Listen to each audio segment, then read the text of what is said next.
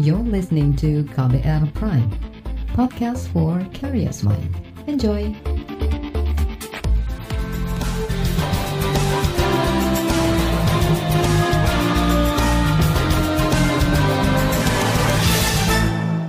Halo selamat sore saudara, apa kabar Anda sore hari ini? Senang sekali saya Reski Mesanto hadir kembali di KBR Sore. Hari ini tanggal 27 Juli 2022 dan sore ini selama kurang lebih 30 menit ke depan saya siap untuk menjadi teman Anda. Mengimbau kepada masyarakat dan pengguna jalan untuk sementara jalur pintu lain menuju ke Padang tidak bisa dilewati.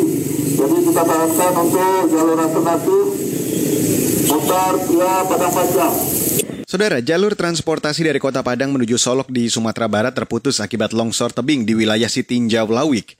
Longsor yang terjadi awal pekan ini seperti menguatkan peringatan dari Badan Nasional Penanggulangan Bencana atau BNPB mengenai ancaman bencana hidrometeorologi secara nasional hingga awal September mendatang.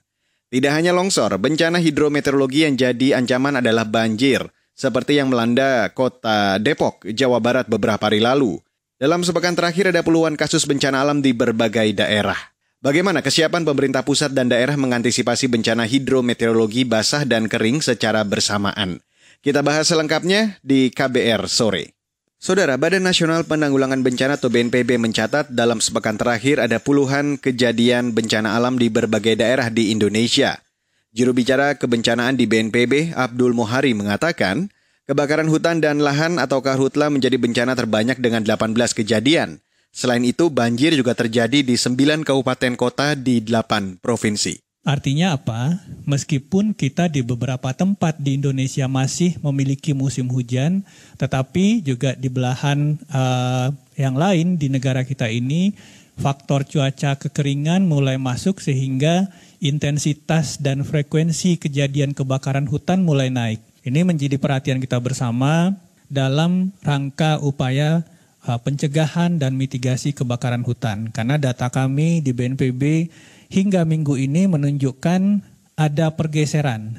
Bukan banjir lagi, bukan hidrometeorologi basah lagi yang paling dominan, tapi mulai bergeser pada hidrometeorologi kering, khususnya uh, kebakaran hutan. Dalam kurun waktu satu minggu ini ada 53,8 hektar lahan yang terbakar. Juru bicara kebencanaan di BNPB, Abdul Muhari meminta masyarakat waspada karena bencana hidrometeorologi basah dan kering akan terjadi bersamaan pada Juli hingga awal September nanti.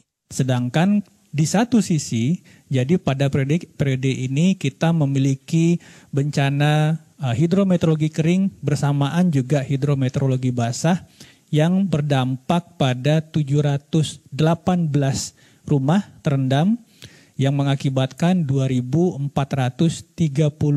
jiwa mengungsi. Selain itu, banjir juga menyebabkan uh, empat rumah rusak berat. Uh, rangkuman dari kejadian banjir yang terjadi di Indonesia, kita lihat di Sumatera itu mulai berkurang dan Kalimantan mulai berkurang, tidak ada kejadian banjir uh, minggu ini, tetapi mulai ada peningkatan kejadian kebakaran hutan. Tapi tentu saja fokus kita masih tetap harus menangani dua bencana ini, hidrometeorologi basah dan hidrometeorologi kering. Saudara, itu tadi juru bicara kebencanaan BNPB Abdul Mohari. Badan Meteorologi, Klimatologi, dan Geofisika atau BMKG menjelaskan, ada variasi cuaca dengan intensitas cukup tinggi. Hal ini memicu potensi bencana hidrometeorologi basah dan kering terjadi bersamaan di Indonesia. Pelaksana tugas Deputi Klimatologi BMKG Dodo Gunawan mengatakan, variasi cuaca itu dipicu berlangsungnya musim kemarau dengan dipengaruhi fenomena alam La Nina. Akibatnya sebagian wilayah mengalami kemarau dan sebagian lainnya justru mengalami curah hujan.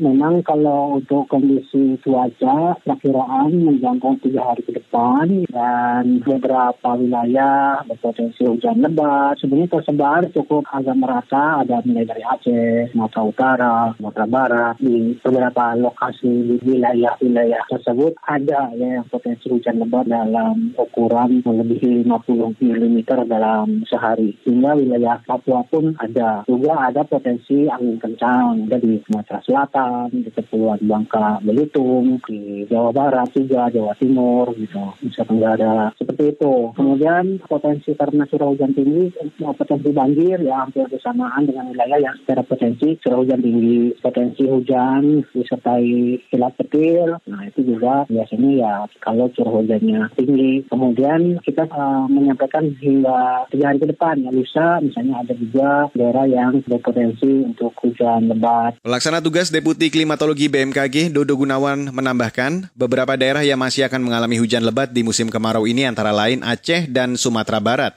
Bencana hidrometeorologi basah mengancam wilayah-wilayah dengan curah hujan tinggi tersebut. Saudara, salah satu bentuk bencana hidrometeorologi basah adalah banjir pesisir atau rob dan gelombang laut yang tinggi. Bagaimana pemerintah daerah dan kelompok nelayan mengantisipasi ancaman bencana ini? Informasi selengkapnya akan saya hadirkan di laporan KAS KBR mengenai waspada banjirop dan gelombang tinggi.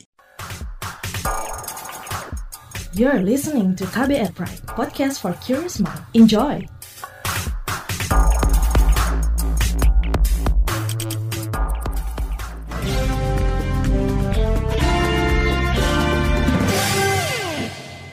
Saudara, banjirop atau banjir pesisir berpotensi terjadi di sejumlah daerah di tanah air, terutama di saat pancaroba atau peralihan musim seperti sekarang ini. Di sebagian wilayah terutama di Pulau Jawa, banjirop bahkan sudah berulang kali terjadi. Lantas bagaimana kondisi banjirop di sejumlah daerah dan apa saja langkah mitigasinya? Berikut saya hadirkan laporan KAS KBR yang disusun jurnalis Mutia Kusuma Wardani. Badan Meteorologi, Klimatologi, dan Geofisika atau BMKG mengimbau masyarakat di pesisir selatan Jawa bagian barat hingga Yogyakarta mewaspadai potensi banjirop pada 26 sampai 27 Juli 2022. Wilayah yang berpotensi mengalami banjirop yakni Sukabumi, Cianjur, Tasikmalaya, Pangandaran, Cilacap, Kebumen, Purworejo, dan Yogyakarta.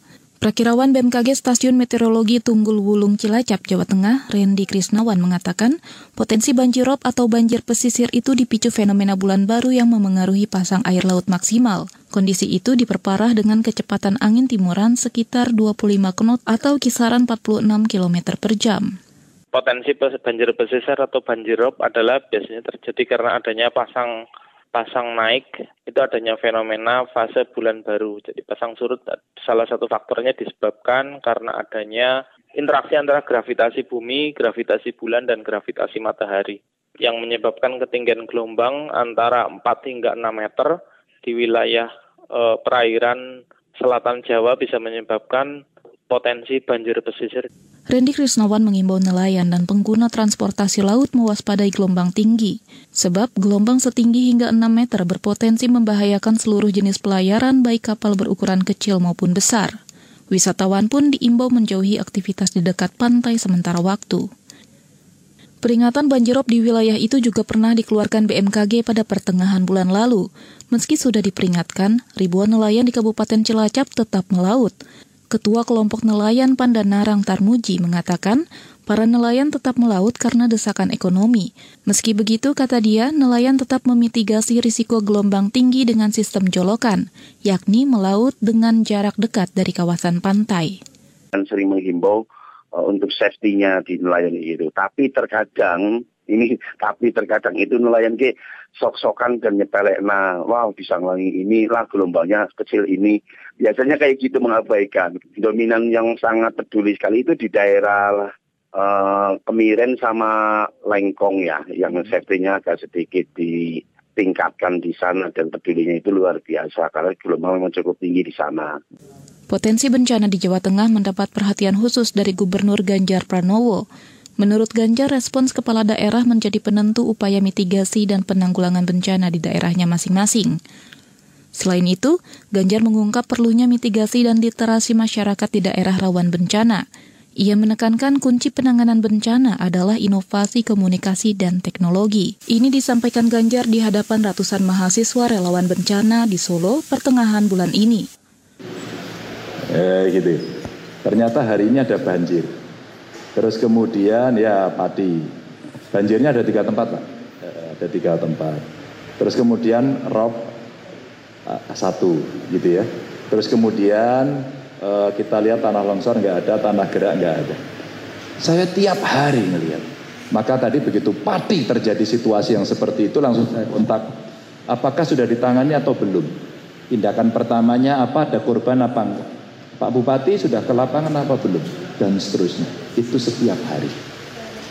Karena apa? Kalau itu tidak kita lakukan, Bapak Ibu, teman-teman, maka telat menolong pada saat itu ya, yaitu real bencananya. Korban.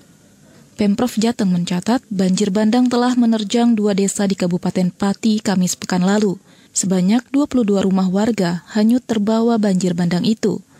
Di lokasi lain, rop pasar air laut melanda wilayah Semarang.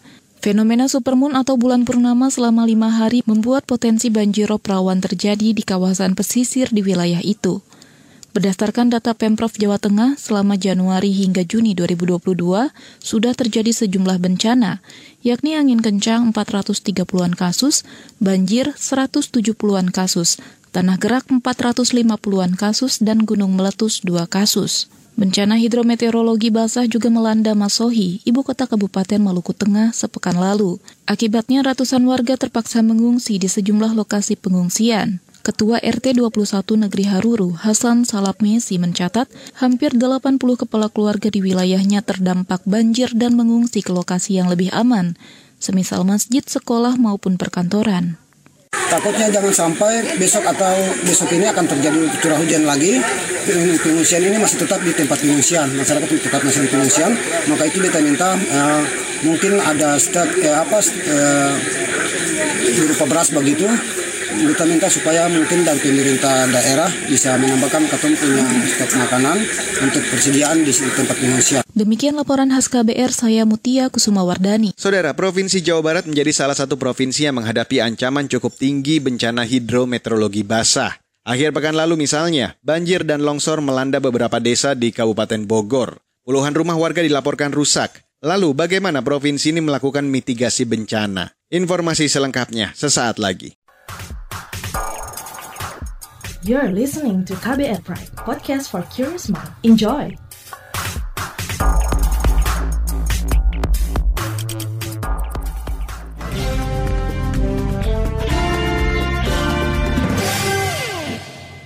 Saudara, Badan Penanggulangan Bencana Daerah atau BPBD Jawa Barat mengklaim telah menyiapkan langkah antisipasi guna menghadapi potensi bencana hidrometeorologi basah dan kering. Antisipasi berupa mitigasi struktural dan non-struktural. Meski begitu, masyarakat tetap diminta responsif atas setiap perubahan cuaca dan resiko kebencanaan.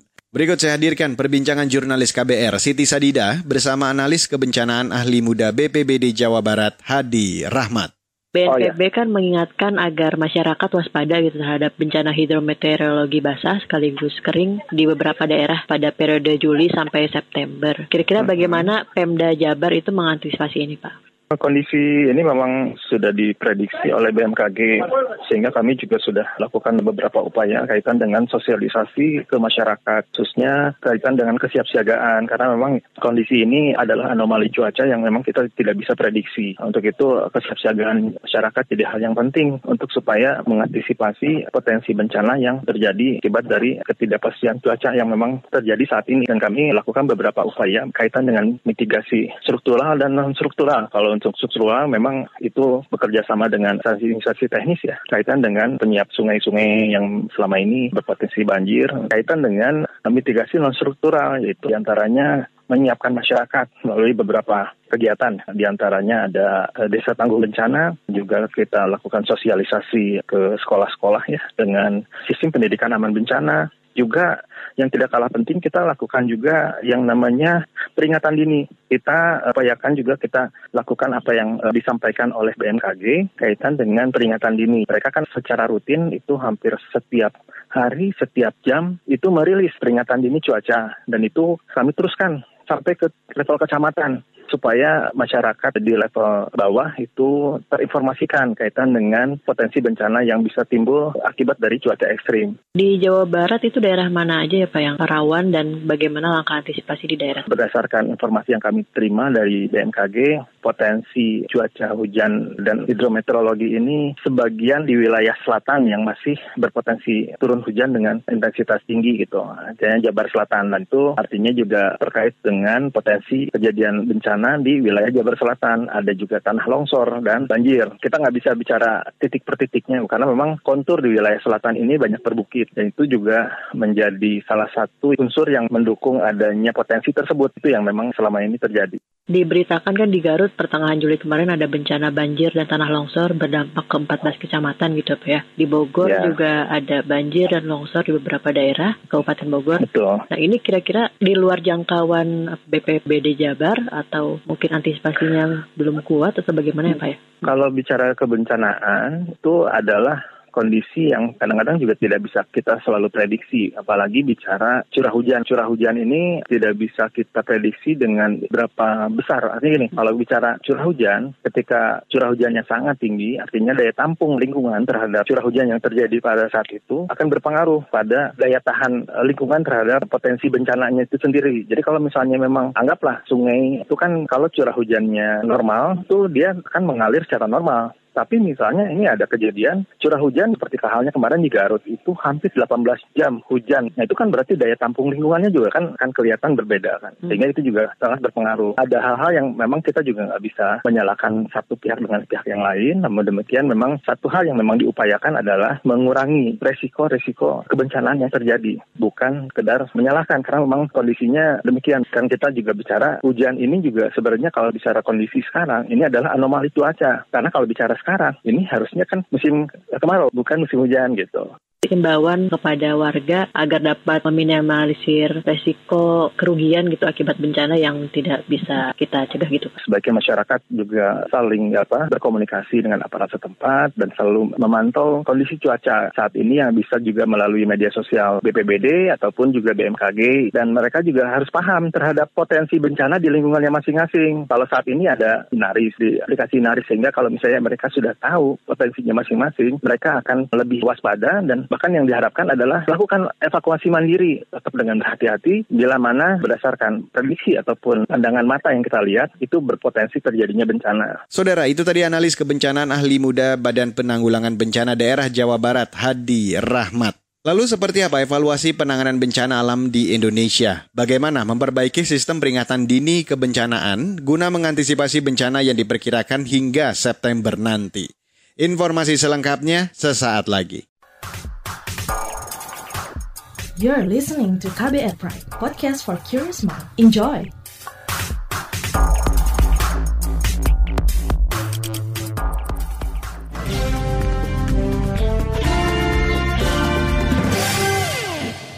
Saudara, Masyarakat Peduli Bencana Indonesia atau MPBI meminta pemerintah pusat dan daerah meningkatkan kesiapsiagaan bencana iklim dan hidrometeorologi. MPBI mencatat tren bencana hidrometeorologi belakangan ini terus meningkat. Untuk itu, pemerintah dituntut menyiapkan sistem peringatan dini dengan pemutakhiran teknologi. Selain itu, aturan kebijakan juga harus diperbarui sesuai perkembangan. Selengkapnya, saya ajak Anda untuk langsung mendengarkan perbincangan jurnalis KBR, Heru Heitami, bersama Ketua Umum Masyarakat Peduli Bencana Indonesia, Avianto Amri. Senin lalu Badan Nasional Penanggulangan Bencana mencatat bahwa ada puluhan bencana terjadi dalam sepekan. Bencana itu adalah bencana hidrometeorologi, baik kering dan juga basah. Nah, melihat dari data BNPB tersebut, sebetulnya apa yang harus direspon oleh pemerintah baik dalam uh, memitigasi bencana dan juga memberikan peringatan dini akan adanya bencana-bencana yang akan terjadi ke depan. Kalau kita ngelihat data secara keseluruhan itu kan hampir 80 sampai 90 persen kejadian bencana itu berhubungan berhubungan sama iklim atau hidrometeorologi. Uh, dan ini trennya terus meningkat. Jadi uh, yang perlu kita waspadai adalah uh, bagaimana kondisi lingkungan kita di, di, di tingkat komunitas ya, gitu tingkat desa atau kelurahan gitu untuk memastikan bahwa uh, kita bisa mengantisipasi dan juga bisa mencegah terjadinya bencana malahan. Jadi uh, apakah itu misalnya perbaikan infrastruktur atau pembentukan tim siaga bencana, melakukan simulasi, atau bahkan sampai kampanye dan tentang edukasi siaga bencana gitu. Karena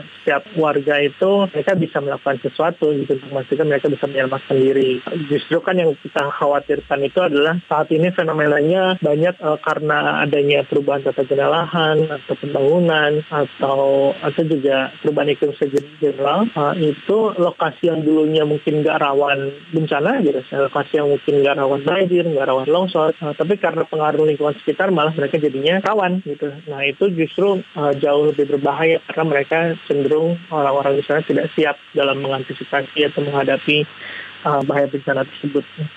Artinya dari uh, catatan yang telah dihimpun juga oleh MPBI bahwa ada faktor uh, kerusakan lingkungan yang berpengaruh dalam bencana-bencana uh, yang terjadi belakangan ini. Kombinasi jadi ya, jadi nggak bisa kita salahkan faktor lingkungan dalam artian alam gitu, hmm. tapi juga faktor lingkungan itu juga dipengaruhi sama aktivitas masyarakat di sekitarnya ya, termasuk juga aktivitas bisnis, ekonomi, uh, pembangunan jalan, uh, ada pembangunan gedung gitu. Pemerintah daerah itu sudah mutlak harus melihat melihat bagaimana pembangunan yang dilaksanakan itu bisa mempengaruhi ancaman bencana di uh, wilayahnya ya. Jadi jangan sampai uh, misalnya niatnya baik gitu, ingin bikin plan gitu atau ingin membangun permukiman, tapi malah uh, menyebabkan semakin banyak banjir, longsor, uh, atau bahkan mungkin kekeringan ya gitu dengan surutnya sumber daya air di, di kawasan sekitar.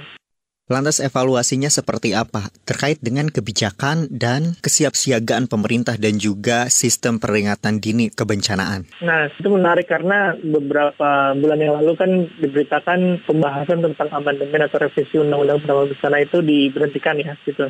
Itu uh, itu sangat disayangkan karena sebenarnya usulan-usulan dari undang-undang yang muncul tahun 2007 ya, karena itu sekitar 15 tahun yang lalu, itu memang perlu diupdate ya, gitu perlu perlu dimutakhirkan dengan perkembangan teknologi, dengan uh, pembelajaran yang kita dapat selama 15 tahun terakhir. Gitu. Sudah puluhan ribu kejadian bencana yang, yang, yang telah terjadi uh, selama 15 tahun terakhir semenjak undang-undang itu disahkan. Gitu. Upaya di tingkat nasional itu penting dalam artian memastikan regulasi itu sesuai dengan kebutuhan. Dalam artian misalnya bagaimana upaya kesiapsiagaan uh, termasuk juga sistem peringatan dini dan juga upaya mitigasi itu kan harus dilakukan lintas, lintas sektor dan lintas kementerian, lintas lembaga gitu. Uh, tidak bisa tuh misalnya masing-masing instansi uh, itu bekerja sendiri. Perlu ada upaya kolaborasi dan koordinasi uh, bersama, tidak hanya di tingkat nasional, tapi juga di tingkat daerah, uh, provinsi, kabupaten, kota. Saudara itu tadi Ketua Umum Masyarakat Peduli Bencana Indonesia, Avianto Amri. Perbincangan ini sekaligus menutup KBR sore untuk hari ini, edisi 27 Juli 2022. Terima kasih untuk Anda yang sudah bergabung sore hari ini. Selamat kembali menjalankan aktivitas Anda. Dan ingat selalu patuhi protokol kesehatan di mana pun Anda berada. Saya Reski Mesanto undur diri. Salam.